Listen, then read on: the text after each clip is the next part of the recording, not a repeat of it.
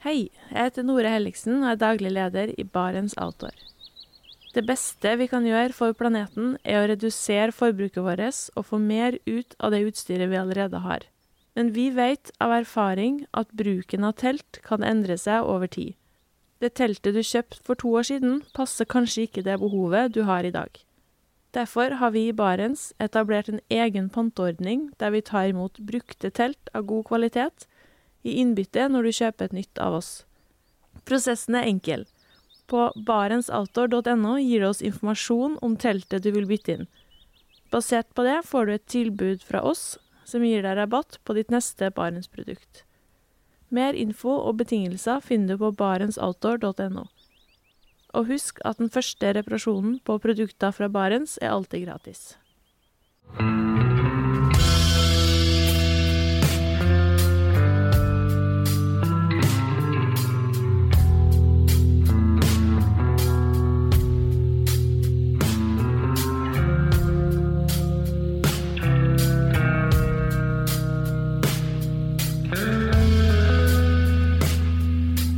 Hei og velkommen til podkasten Uteliv.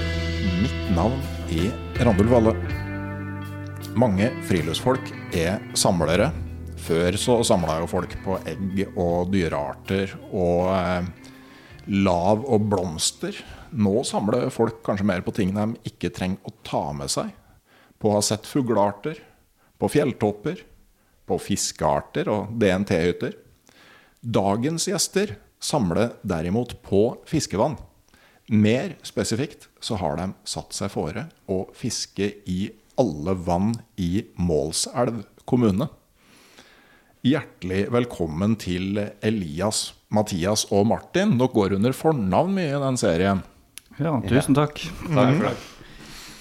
Vi eh, tar opp denne episoden i en maidag i Sørreisa, ute på kysten i Troms. Det er ikke fiske er isfiske, kan man tenke på. Ja. Kanskje sjøørretfiske i sjøen, men snøen ligger nesten ned i fjæra. Så vet dere det. Men jeg spør jo som vanlig, har dere hatt en fin tur eller naturopplevelse nå i det aller siste?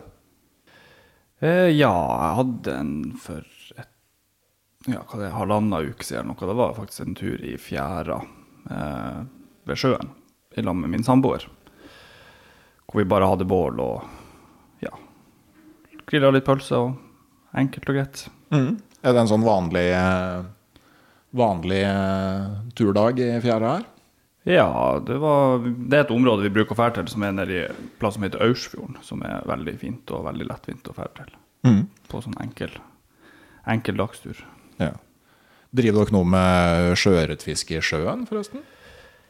Litt, men ikke noe ekstremt. Hvis, det- hvis abstinensene er veldig store, så kan jo hende. Men eh, vi snakka faktisk om det, jeg og Mathias da, her om dagen, at sjøørreten er jo Det er blitt så lite av han i Målselva, og, så vi prøver å la være.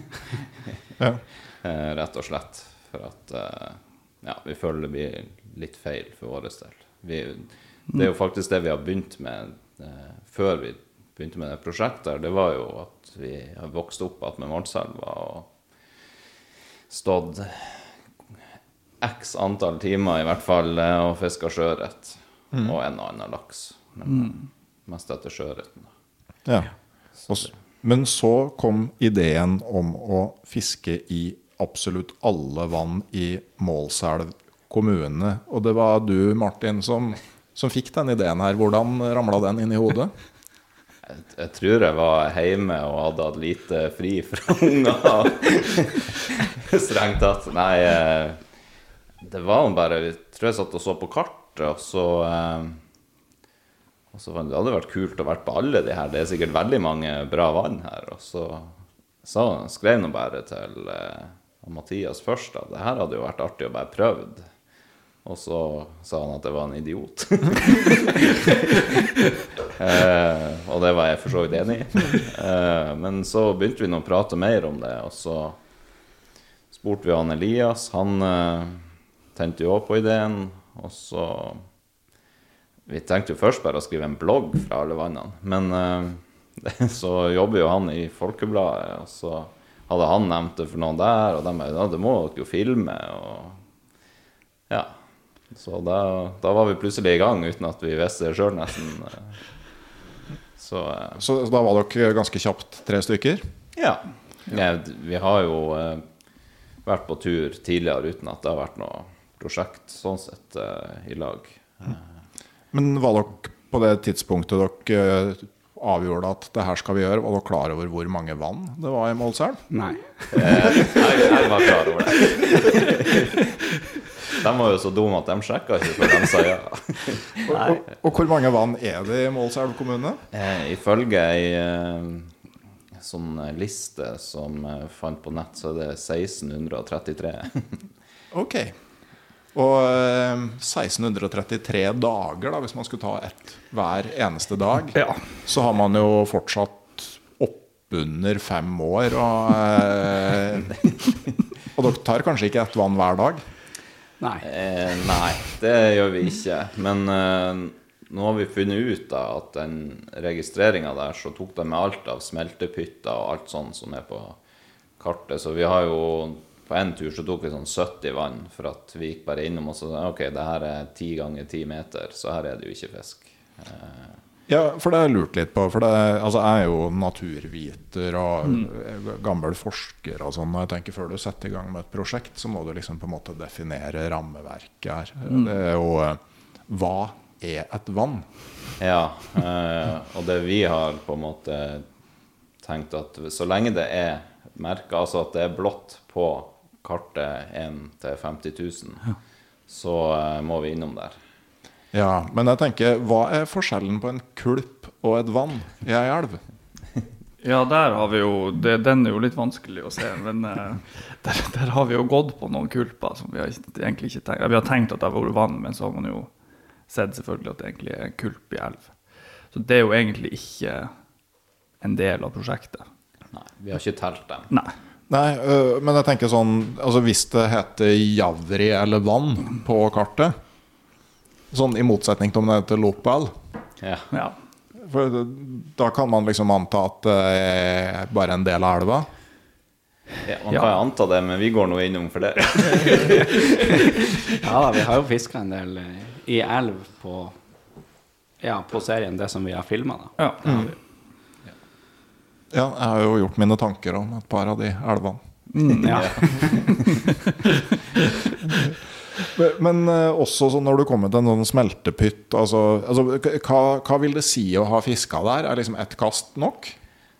Altså i teorien, hvis det kommer til et vann og det eh, kan være fisk, så tar vi noe Vi ser jo etter noe tegn, da.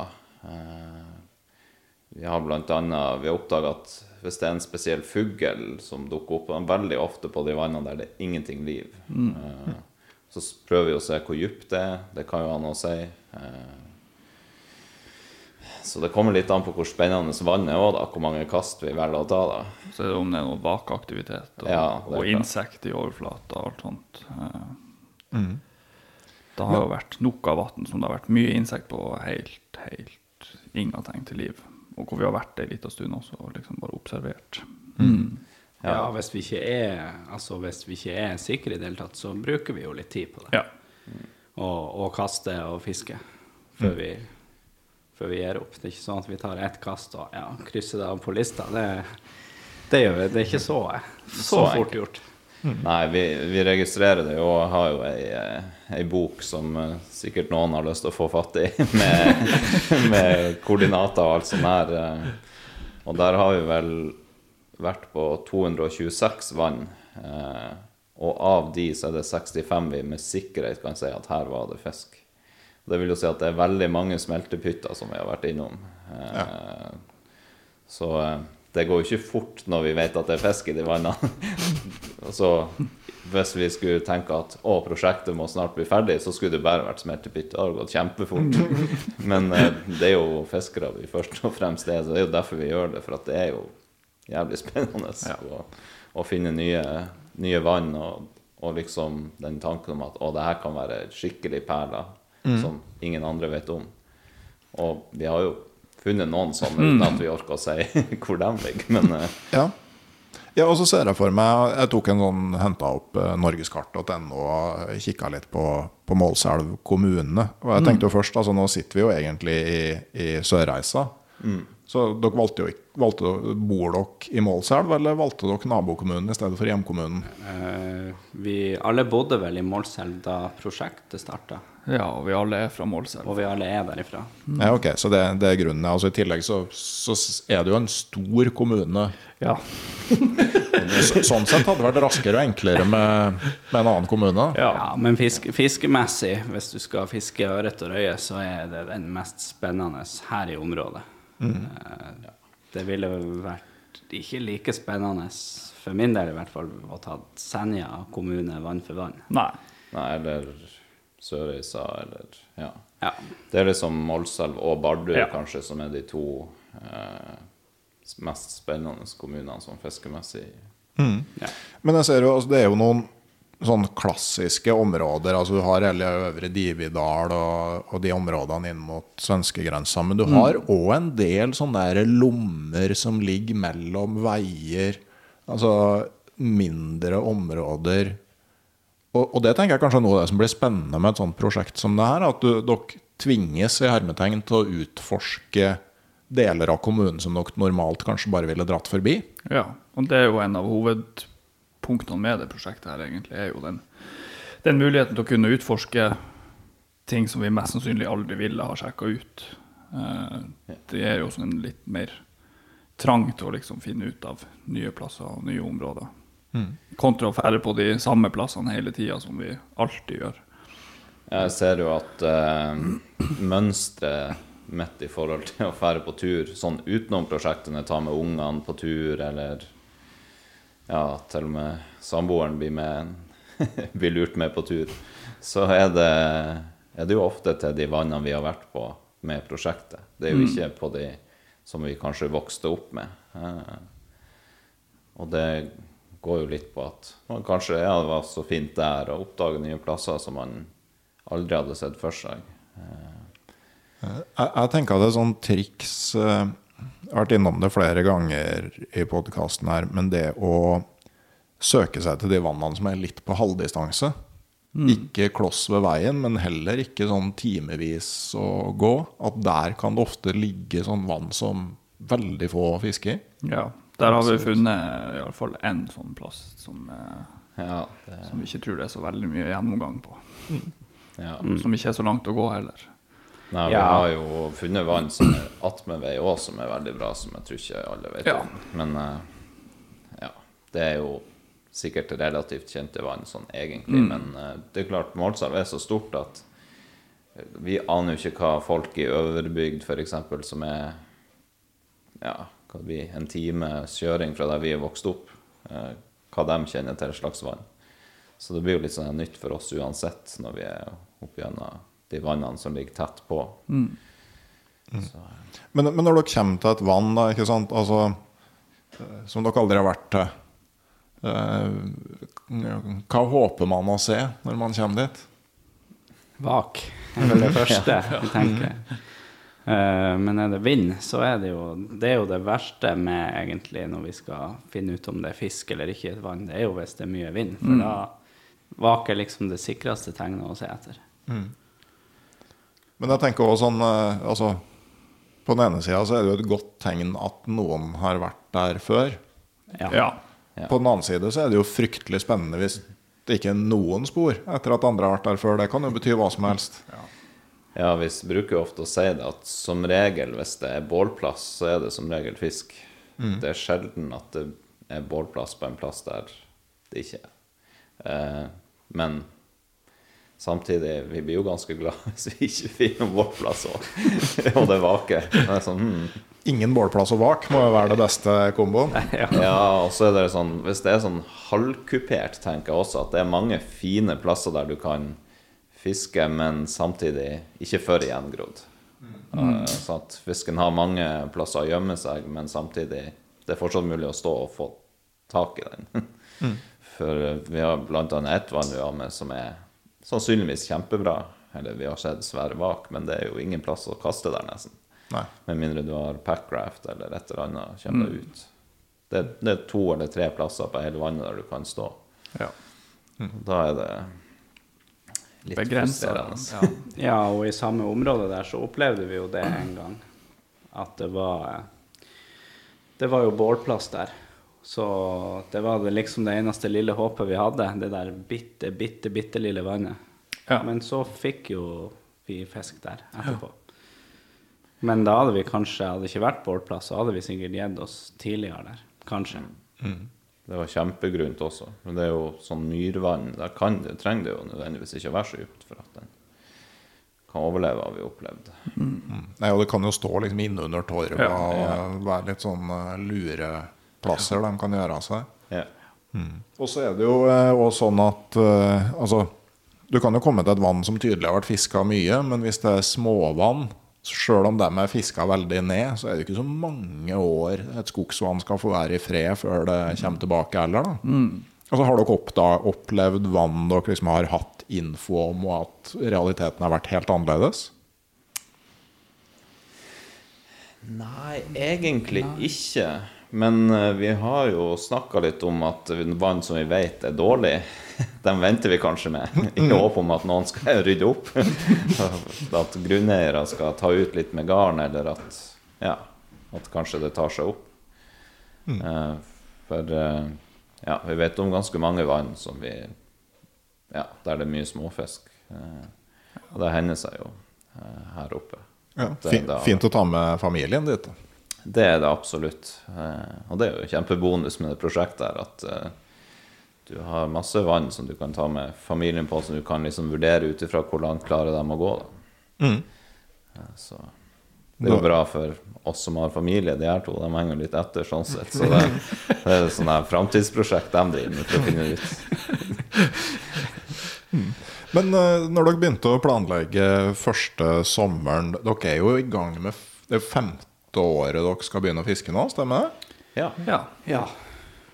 Uh, og når dere starta den første sommeren, altså, hvor systematiske var dere? Altså, har dere planer Ekstremt usystematisk, tror jeg. Ok, Så det er ikke noe sånn militær spesialoperasjon hvor det er delt inn i sektorer og uh... Nei, jeg husker vi prøvde oss jo fram. Vi, var, vi valgte jo områder vi ikke hadde vært i på eh, Ikke i nærheten av å ha vært der det første året. Eh, og så hadde vi jo sånn her en visjon om at vi skulle ta 100 vann eller noe på den første turen, og vi endte vel med 17. Vi kom fort ned på jorda ja. alle. Ja, Da dere starta, hvor lang tid vurderte dere at det her kom til å ta? Hele livet. Ja, ok, Så det var en erkjennelse helt fra starten at det her eh, blir man ikke ferdig med med det aller første? Nei, det er jo ikke sikkert vi blir ferdig heller. Det er jo Det vet man jo ikke. Man vet jo ikke helsetilstanden og altså Det er jo masse Det er mange ting som spiller inn. Så Ja. Eh, Men det er også relativt greit, eh, eh, greit eh, tidsperspektiv. Jeg hadde en episode med han eh, mm, Sindre han vel, som eh, tok alle norske 2000-meter-topper i løpet av 70 dager. eller noe sånt. Og han hadde jo gått på med datakraft og eh, regneark og Visual Basic-programmering og sånn for å finne de riktige konstellasjonene av topper og sånn. Men, men det var ingen regneark med avstander mellom vann og eh, sånn ultimate ruter som var funnet med kunstig intelligens og sånn. Ja, vi kunne like så godt hatt bind for øynene når vi gjorde de første turene. det som er, det som er utfordringa, er jo at eh, det var jo Skulle jo være For å telle et vann, så skulle jo alle tre være innom det. Ja. det har vi måttet gå bort ifra. Okay. For det er, ja, det er jo ganske vanskelig å få det til å passe mest mulig turer for alle tre samtidig. Så nå har vi vel gått ned til at to, to, to må være på tur samtidig, så skal det telles. Ja. Men hender det da f.eks. når man liksom ser at her ligger det 32 sånne smeltevannspytter hvor det er veldig liten sjanse for fisk, og så deler man landet mellom seg, og, eller må, man, må begge to fiske alle sammen da? Det har jo egentlig gått ganske raskt igjennom sånn. Men vi har ikke vært sånn ekstremt mange sånne plasser heller som det, Det er to turer vi har vært på Ja. der det har vært veldig mange smeltepytter. Og det er sånn her han, Nei, ikke fisk. For at du ser at det er sånn halvmeter dypt og steinete, så bunnen fryser det. Og du ser jo hele vannet, ellers så er det ikke noe vann der engang. Det er bare et hold i bakken. Ja, mange var tom for vann også. Ja, så- så det var ikke så lett å finne dem engang. Jeg kjente det, kjente det litt på motivasjon der den gangen vi var innover svenskegrensa. Ja, vi gikk vel langs svenskegrensa mye godt, og det var bare Altså, vi hadde ikke et napp omtrent på hele dagen. Vi har vel noen klipp der hvor jeg ligger på bakken strakt ut. Da var jeg, da var jeg ordentlig lei, husker jeg. og som hadde en knekk, ja. ja. Det er et sånt tidspunkt hvor du følte at prosjektet her var skikkelig meningsfullt. ja, det, det kan man si. Vi gikk tre og en halv mil den dagen, tror jeg. Ja. Ifølge klokka, da. Men så kom vi jo til et vann med fisk, hvor du, Martin, fikk vel fisk. Ja. Siste vannet vi var med den dagen. Ja. Så eh, Vi kunne ha gått eh, 350 meter, men vi gikk tre og en halv mil og fikk én fisk. Så det er jo litt Men tenk så utrolig kult hvis dere hadde funnet Ja. én sånn pytt Ja. som det var et eller annet merkelig med grunnen. det er akkurat Ja, det som er. Det er det som driver oss litt òg. Derfor vi har bestemt oss for å gå innom dem òg. For at det var jo litt For det var jo første året vi fant det ene vannet som var sånn vet ikke, 25 meter, kanskje langt. I hvert fall hvis du tar i og kaster, Ja. så dryler du sluken inn til skogs, i hvert fall.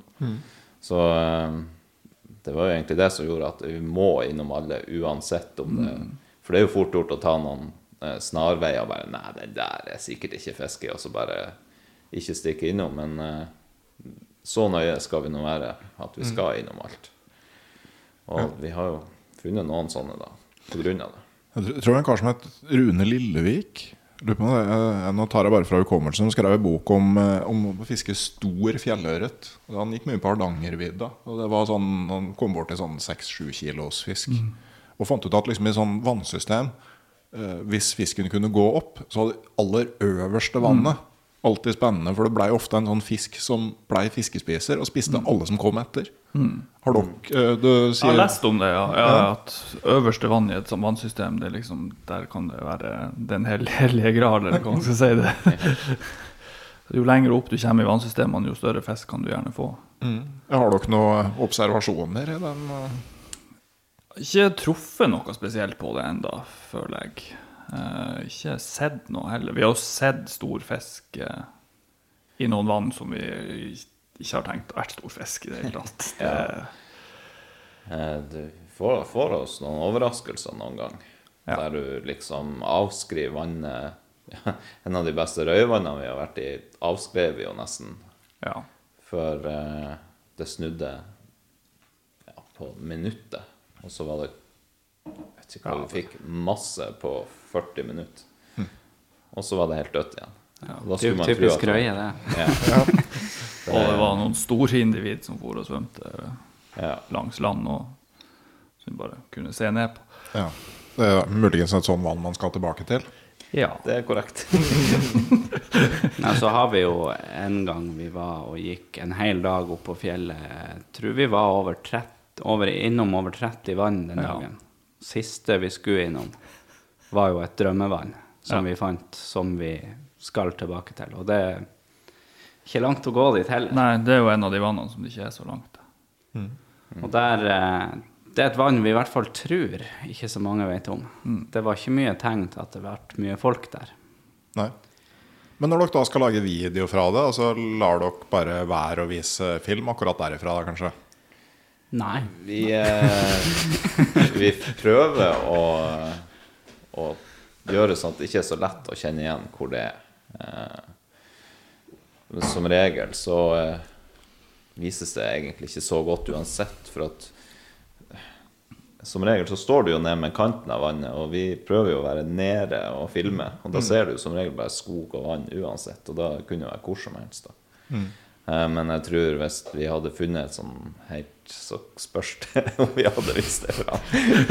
Litt sånn eh, kreativ kryssklipping. Ja, Det, det er jo noen som er gode å kjenne igjen vann. Sånn, Ja, men- Stian Yttergård, for eksempel. er men det er klart, det er jo sånne som har vært overalt, og ikke hadde, det er ikke noe fare at de vet det. Nei. Men før vi lagde serien, eller når vi annonserte at serien kom, så var det jo en som ringte inn til Folkebladet og skjelte dem ut for at eh, nå kom jo alt til å bli avslørt overalt. Uten at vi hadde visst et halvt sekund engang av hva som skulle være. Så det er jo noe som eh, kan irritere folk, da. Ja, ja, Har det, dere fått noen sånn type reaksjoner etter at det har kommet? Ja? Nei, det er vel det eneste. Ja. Nei, ingenting. Men det, det kan, kan jo være tegn på at vi er gode og sånn høvelig ikke avsløre hvor ting er, da. Vi bruker jo å si hvordan område vi er i. Så folk kan jo skjønne sånn Men det er stort, og det er mange vann, så det å finne nøyaktig akkurat hvor vi er, det er jo noe annet enn å vite at vi er i Rostadalen. Og, og noen vann har vi jo vært åpne om også, så, Ja da. som er veldig Spesielt i veldig kjente vann. ja, i området. Ja. Typ Moska. Moskan i Avrea. Ja. Da sier vi rett ut hvor vi er. Ja. Altså, det er ikke så mange sånn det, Vi sover jo på Moskahytta, liksom. Det er litt sånn her han Det er jo ikke vits å Men det er klart, der er jo produksjonen så stor uansett at det er jo ikke noe fare for at det så går noen skuterløyper gjennom der også, så Men eh, nei, det er klart, hvis vi sier Dividal nasjonalpark, så er det vel en ja, drøyt 300-400 vann, kanskje. Så det er liksom lykke til med å finne ut da. Ja, og, og det er jo sånn altså, Og at det er jo sikkert andre vann som er like gode som akkurat dem dere er på. Det gjelder bare å være der til riktig tid. Ja. Ja. Og så tror jeg jo det kan jo hende det sitter noen og jubler at de ser vi har vært på et vann og ikke fått noe. At de vet at det er kjempebra. Så det er klart at uh, det har mye å si. Og, og så, ja, vi har jo utvikla litt etter hvert. For en stund så følte vi at vi var for kort tid med vannene. Og nå har vi begynt litt å prøve å velge leirplass med omhu for å vite at ok, der vet vi at det i hvert fall kan være bra. For vi har hatt noen skikkelig bommerter der. Der vi har sovet i teltet med fiskeløse vann to døgn. Altså, Planlegginga begynner å komme seg. Altså. det, Ja, det er merkelig med det. Altså. Et par år til, så er dataverktøyene det, Ja, vi snakka jo en stund om å ha en sånn der han, eh, ekkolodd og bare kaste ut, men det blir litt sånn Det blir litt kunstig. Ja, det blir ikke like artig. Nei, det blir ikke like spennende. Nei. undervannskamera. Ja. Ja. Nei, vi følte det egentlig ble juks. Men er det ørreten eller røya som står dere nærmest? da? ja, Elias. Jo, nei, jeg må si ørret for min del, men det er jo fordi jeg får jo aldri røye. Så det Prøve og prøve, men eh, bare lykkes med å få noen sånne små individ. Mm. er nå vi skal svare røya bare for å erte det. Liksom. Det er mye artigere. Nei, men eh, før vi begynte prosjektet, så hadde jeg ikke fiska mye etter røye. Eh, men det har jo vokst litt fram nå, da, når man har fått litt røye. Så det er en utrolig artig fisk å få, og den å spise, så syns jeg faktisk det Hvis jeg skal velge en art eh, som matfisk, så velger jeg røye. Den er utrolig god. Så eh, kanskje jeg skal svare røye, da. Akkur akkurat nå, i hvert fall. Ja, det er, jeg tror for min del det er fortsatt ørret, men det går mer på ja, sånn gammelt av. Men uh, røya tar liksom mer og mer liksom, nå, nå når vi planlegger, så er det ikke sånn at ah, ok, røyevann, da kanskje vi finner leirplass med et rødt vann i stedet, hvis vi vet at det Men nå er det litt motsatt. eh, og så er det jo må følge med, Elias. Det er veldig artig å få røye når de begynner å bli sånn sju-åtte hekto. Mens da begynner de å gjøre ordentlig motstand. De har det utraset som eh, oppleves som mer ekstremt enn ørreten har, i hvert fall. Ja. I hvert fall her oppe. Der de er veldig sånn i god kondisjon. Da. Jeg trodde røyer i Troms, liksom stor røye, begynte på sånn rundt tre kilo. jeg. Ja, for isfiskerne så er det sikkert det, men det, det driver jo ikke vi med. Enn så lenge, i hvert fall. Men røya er mer lunefull enn ørreten. Ja. Ja, hva vi hadde? Vi hadde en tur der vi var Ja, det var den vi nevnte i stad, at det var 40 minutter med bett. Og det var firedagerstur. det var det bettet vi hadde. Eh, det, da hadde vi nordavind stort sett hele tida, og så snudde det en liten periode. Og da var det fullt liv. Og så snudde det tilbake, og så var det helt dødt. Ja. Ja, og den er, jo, den er jo glad i kaldt vann, så vi har jo også vært på noen sånne varme turer med 25-30 grader, og det er vanskelig å fiske røye. Det, Sånn med redskap, da? Altså, bruker dere forskjellig utstyr etter røya og ørreten? Ja, Martin, hva du bruker Nei, jeg bruker samme sluken hele tida. Det er spesialen. Er det Sølvkroken spesial, samme farge hele tida, eller? Ja, kobber og rød. Kobber og rød, ja. Ja, stort sett, men eh, det er jo eh, Eller makk. Eh, men vi har jo utvikla det oss egentlig i løpet av prosjektet. Ja. Det var mye makk og dupp og eh, sluk i starten, mens nå er det makk og søkke og ja spesielle sluker som vi på en måte er blitt. Fiska Med- litt med med, trykk og dupp. Ja. Det skal jo sies at det jeg og Elias som tester sluka, for eh, du, du bruker jo som sagt den ene sluken.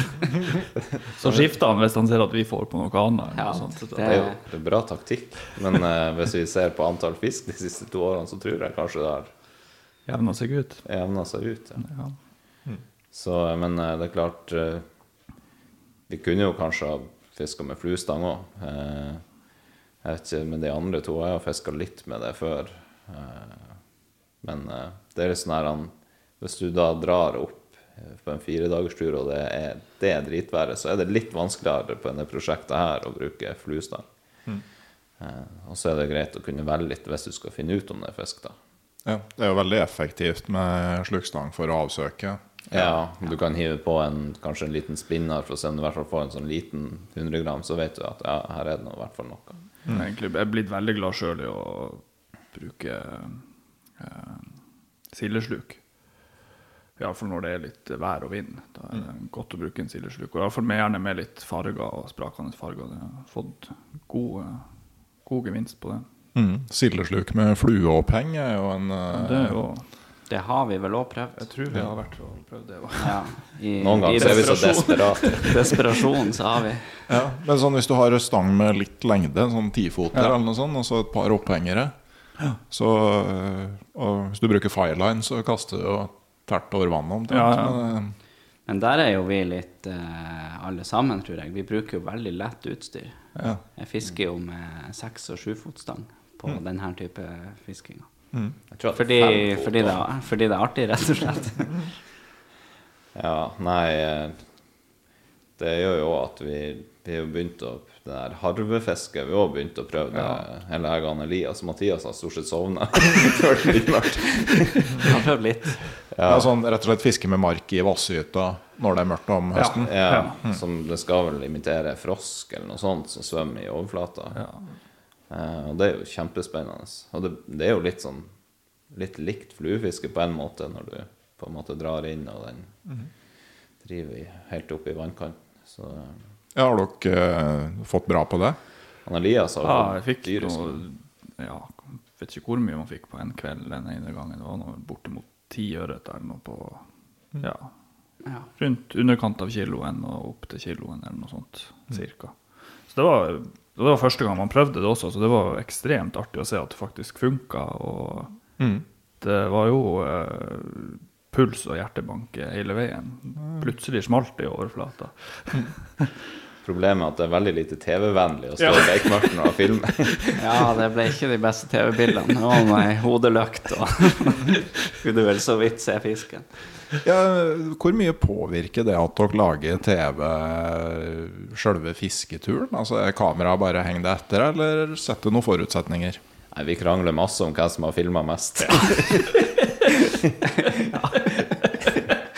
Men eh, nei, altså, jeg syns jo I starten så var det litt sånn der han- Og det ser man sikkert på den forferdelige første episoden, blant annet, og de, at eh, jeg og Elias er jo ikke så vant til å stå uh, framfor kamera. Mathias har jo litt trening gjennom jobben sin.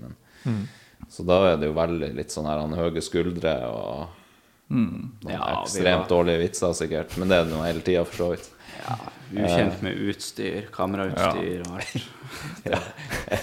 nøste fisken omtrent på den første episoden ble jo ikke filma fordi jeg drev og zooma over hodet hans. Så, så det er jo litt Det har jo vært litt sånn her han eh, Gått seg litt til etter hvert, egentlig. Ja.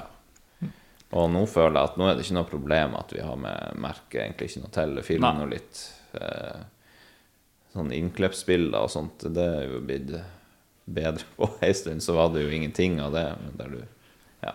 Når du har vært frustrert på klippebordet nok ganger, så lærer man ja litt. det, spesielt han. Han, han som har mest trening på klippinga, Mathias, da, så så hender det at jeg sitter attmed han og klapper han på ryggen og ser at han er flink. Har det vært litt lite å ta av enkelte ganger. Ja, nei, det er klart han, eh, han har jo denne jobben sin, så han klipper det, og her lager musikken, og han Elias, han får fisken noen gang. Hva er den største fisken dere har fått så langt? I prosjektet Skal vi diskreditere Mathias som fisk, siden det var ei elv, men uh... Nei, Mathias har jo Eh, nei, det var ørret på 2,9. Det er voksent. det er bra. Det er bra. Det største dere har mista? Ja, det Kan vi skryte på oss en masse? Jeg tror ikke vi har vært i nærheten av det. Nei. Nei. Var vel, Mathias hadde vel på ei veldig svær øye på ene turen, da. Men Ja. så vi aldri nok til at vi vet. Men Ja, det er jo ideelt. ja. Så har man jo alltid, alltid mista noen på kiloet, to kilo. Det er noe. Nei, det, vi har har fått- mista noen større fisker også. Ja. Og vi har jo hatt en, en god del fisk på sånn ett og et halvt. Og, Ja, mellom kilo og halvannen er det jo en del. ja. Re registrerer dere liksom store forskjeller gjennom året? Sånn fra juni til juli og til august? Altså eh, hvor dere fisker og hvordan? Nei, men vi registrerer vel veldig vindretninger. Ok. Det har ekstremt mye å si her oppe. Er det nordavind, så er det nesten håpløst. Eh, Da må vi jobbe hardt. Ja. Eh, Alle andre retninger, da går det greit. Da varierer det veldig. Men nordavind er ofte helt håpløst. Ja, det så vi vel på den turen vi var i, i fjor, på et, et godt ørretvann. da. Eh, Så hadde vi jo eh, nordavind ene dagen. Vi hadde ikke et napp. Dagen etter snudde vi inn, og vi fikk 17-18 til sammen. Plutselig. Så eh, Nei, nordavind, da blir vi egentlig Vi blir litt sånn demotivert med en gang. Det kan være noe at vi fisker jo ikke når det er nordavind heller, så det er kanskje derfor vi ikke får Nei, vi er tidlig opp når det er nordavind. Det gjør vi.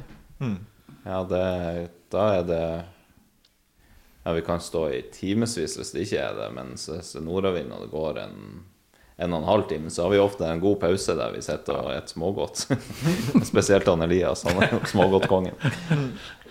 Så Nei, det varierer veldig, men eh, akkurat vindretning har ekstremt mye å si, tydeligvis.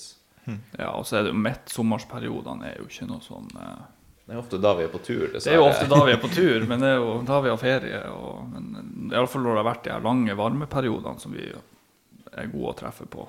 Det er jo ikke noe særlig heller for, for fiske sin del. Nei, og det er jo faktisk helt sykt, men vi har på alle langturene til nå, eller sånn langturer, det er jo det vi kaller når vi er fire-fem dager, da, eh, så har det vært over 30 grader stort sett på alle. Ja, i hvert fall over 25. Så det ser jo ut som at vi er 70-80 år gamle eh, på mange av de her eh, episodene. Det føles sånn òg. Men det er jo eh, Det er jo samtidig helt greit at det vises. For jeg tenker at det skal jo gjøre litt vondt på tur før at det blir godt. Eh, og det er jo gjerne sånn, spesielt i Indre Troms, hvis du går langt. Altså, det kan godt gjøre litt vondt, men det gjør jo hele opplevelsen mye bedre når du kommer fram. Det er jo det det handler om. Det er jo eh, fortvila. De er, eh, dere er jo såpass langt nord at det er jo lyst døgnet rundt. Og, Ja, så, den sola er jo og, eh, og akkurat de få timene om natta hvor det er litt svalt, så kan det jo kanskje være den beste muligheten for å få fiska. Så det går jo inn i sånn zombietilstand etter noen dager. Ja, vi hadde jo den, det dilemmaet der i fjor. Vi måtte sove mellom 11 og 5-6 tida om morgenen, for det var den eneste tida på døgnet det gikk an. Det var så varmt på dagtid at Ja, da avslutta vi turen med å, å gå ned i 33 varmegrader, og det føltes ut som døden nær-opplevelse med tung sekk. Ja. Ja, da tror jeg vi stoppa vel hvert tiende minutt for å drikke eller noe sånt. Altså, vi hadde ikke sjans på noe annet. det var vi døppa alt av klær i bekken, som, altså det lille vi hadde på oss.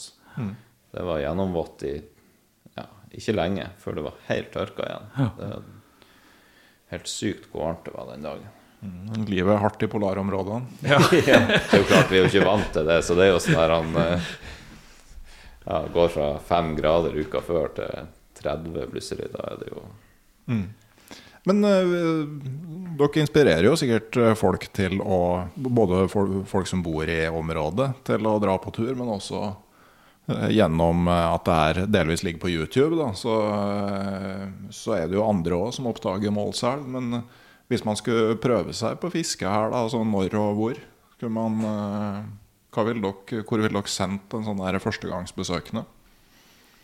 Jeg hadde jo med meg en, eh, en førstegangsbesøkende på tur utafor prosjektet da, i fjor høst. Han er pensjonist eh, fra Senja her, men har aldri vært på tur i Indre Troms.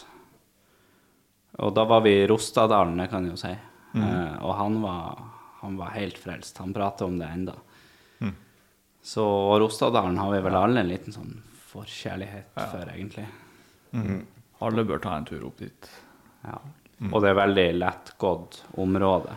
Ok. Ja, og, da, og da snakker vi oppe i eh, Øvre Dividal? Det blir eh, opp mot Storosta. Mm. Storosta i Evry. Så Det er jo inn mot svenskegrensa. Det er akkurat utafor nasjonalparken. Mm.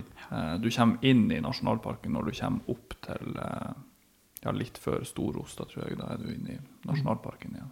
Ok. Hvor er det man går inn fra? Det heter Likkamoen, er det Ja. det heter, der du parkerer? Ja, det er vel Likkamoen det heter. Du blir kjøre inn eh, Lille Rostavatn. Eh, eh, og innover til veis ende der, og så går du opp. Eh, der er det merka DNT-sti opp til, eh, til DNT sine hytter, som heter Rostahytten. Og så går man videre derifra oppover mot, mot Stor-Osta. Eller Moska, eller ja. Du kan gå hvilken vei du vil egentlig etter Ja. ja. Rostahytten. Ja. Det er egentlig ok alle veier. ja. Så, men eh, det er en tur å anbefale, absolutt. Eh, Og så er det jo veldig fint opp gjennom Dividalen nasjonalparken også. Ja. Men samtidig der er det lenger til du kommer til fiskevannene. Så der må du kanskje være litt forberedt på å gå litt. Eh, Mens i Rostadalen så trenger du ikke å være toppidrettsutøver akkurat for å komme deg opp. Det er jo stor trafikk opp til de Rostadhyttene. Og det er noe helt greit fiske der òg, hvis du vil fiske i Rostaelva der. Hvor eh, skal dere hen i sommer, da? Ja, vi skal i Vi skal vel i nasjonalparken og rett utafor. Eller er kanskje. Ja, hvis både og. Det blir vel camp rett utafor. Skjønner planleggingsnivået har eh, kommet seg. Nå vet man hvor teltet skal stå. Ja, så er det vel snakk om en tur til. Jeg vet ikke om vi skal navngi det, for det ligger vel litt mer sånn eh, Nei, det tror jeg vi tror jeg vi holder for oss sjøl. Men eh, ja, det er de turene som vi vet, i hvert fall, for det blir over flere døgn. Eller ja, fire-fem overnattinger. Hvor mange nye vann tenker dere at det blir? Det er jo litt vanskelig å si.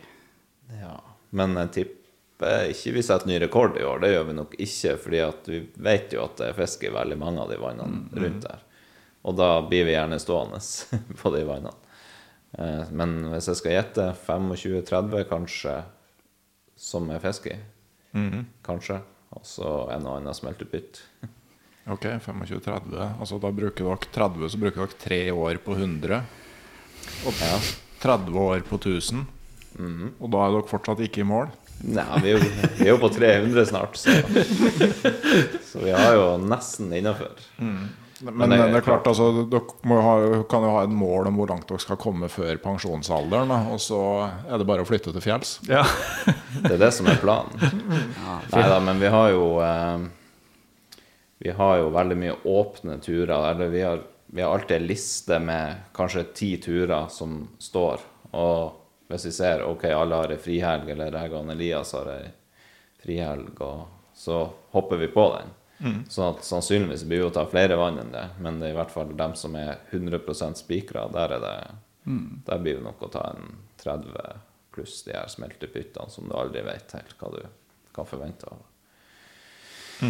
Så, Det har vært supert å prate med dere. Folk må søke seg fram til Målselv vann for vann på, eh, på YouTube, også på Folkebladet.no. Det er vel bare å google, så Ja. mm, Jeg kan ta og legge ut link i episodeinfoen. Ja.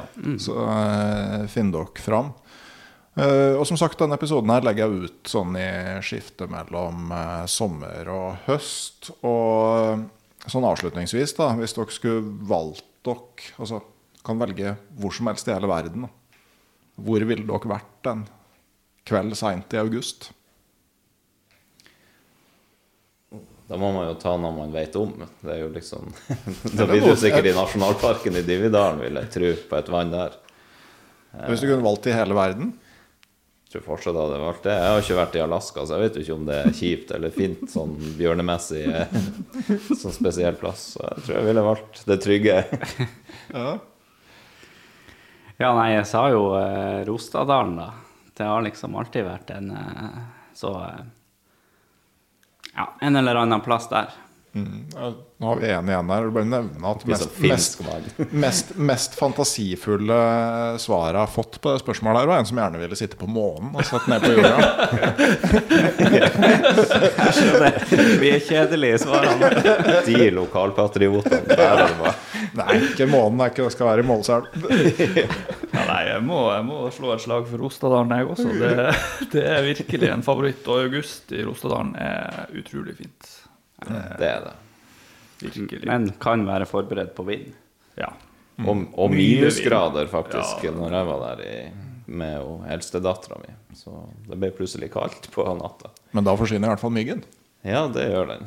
Ellers har man jo et ønske om Finnmark òg, selvfølgelig. Å oppleve litt lenger. Vi har foreslått Finnmark vann for vann, men vi var litt usikre på om vi rakk det. Ja, det, det er vel jeg òg. Det er et par vann der òg. Det, det er det. det.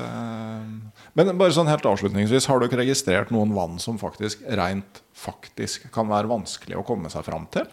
Ja, Ja. det er nok av dem. Og det, Det er jo mange som ligger sånn på sånn kjempebratte topper, blant annet, som vi er litt sånn Det må vi ta som dagstur. Vi er aldri i verden om vi blir å dra noen sekk opp der, blant annet. Så eh, Det må jo være litt fristende hvis det ligger et sånn helt ensomt vann på toppen av et fjell, og så ta med seg et par ørret opp dit. veldig. Og så bare ha-ha, rykke til med å få tak i det. Kunne avslørt hvor det var og alt. nei, det er jo noen av dem, og så er det jo noen sånn enkeltvis vann som ligger langt igjen, inn i en av dalfør og ja, Med kjempebratt rundt. Så, Ja. ja. Det er mye blodtrimma pensjonister rundt omkring. Altså. Ja, det verste av alt er at vi er jo som sånne bjørn ligger i dvale hele vinteren og beveger seg lite, og så er det sånn rett på sånn firedagerstur da, som vi har prøvd et par ganger. Er- Så planlegginga med å trene litt før sommeren er jo, har jo tatt seg opp da, de siste to årene i hvert fall. Ja, ser man. Sånn Så. delvis. Ok, Så i hvert fall tanken om å trene seg opp har det- eh, det begynt å ta seg opp. Det er jo Ja, tanken. det er tanken som teller. Da forlater vi gjengen fra Målselv vann for vann. Håper at det har gitt inspirasjon til sommerens fisketurer. Til slutt takker jeg min kommersielle samarbeidspartner Barents Outdoor AS. En stor takk går òg til det digitale turlaget på Patrion. Jeg nevner at jeg 20.6.2023 trekker flere fine premier blant medlemmene her. Du kan vinne et enmannstelt fra Terranova, en gassbrenner fra Coleman og tre skikkelige bokpakker. Det er gjort i en fei å bli medlem i turlaget. Gå inn på patrion.com, eller last ned Patrion-appen. Søk opp podkasten Uteliv, og velg medlemsnivå. Det tar bare et par-tre minutter å bli med, og du finner link i episodeinfo. Nå nærmer sommerpausen seg virkelig for podkasten Uteliv. Neste fredag kommer sesongens aller siste episode. Nyt sommeren fram til da. Kom dere ut på tur, så høres vi. I mellomtida sier jeg rett og slett ha det bra.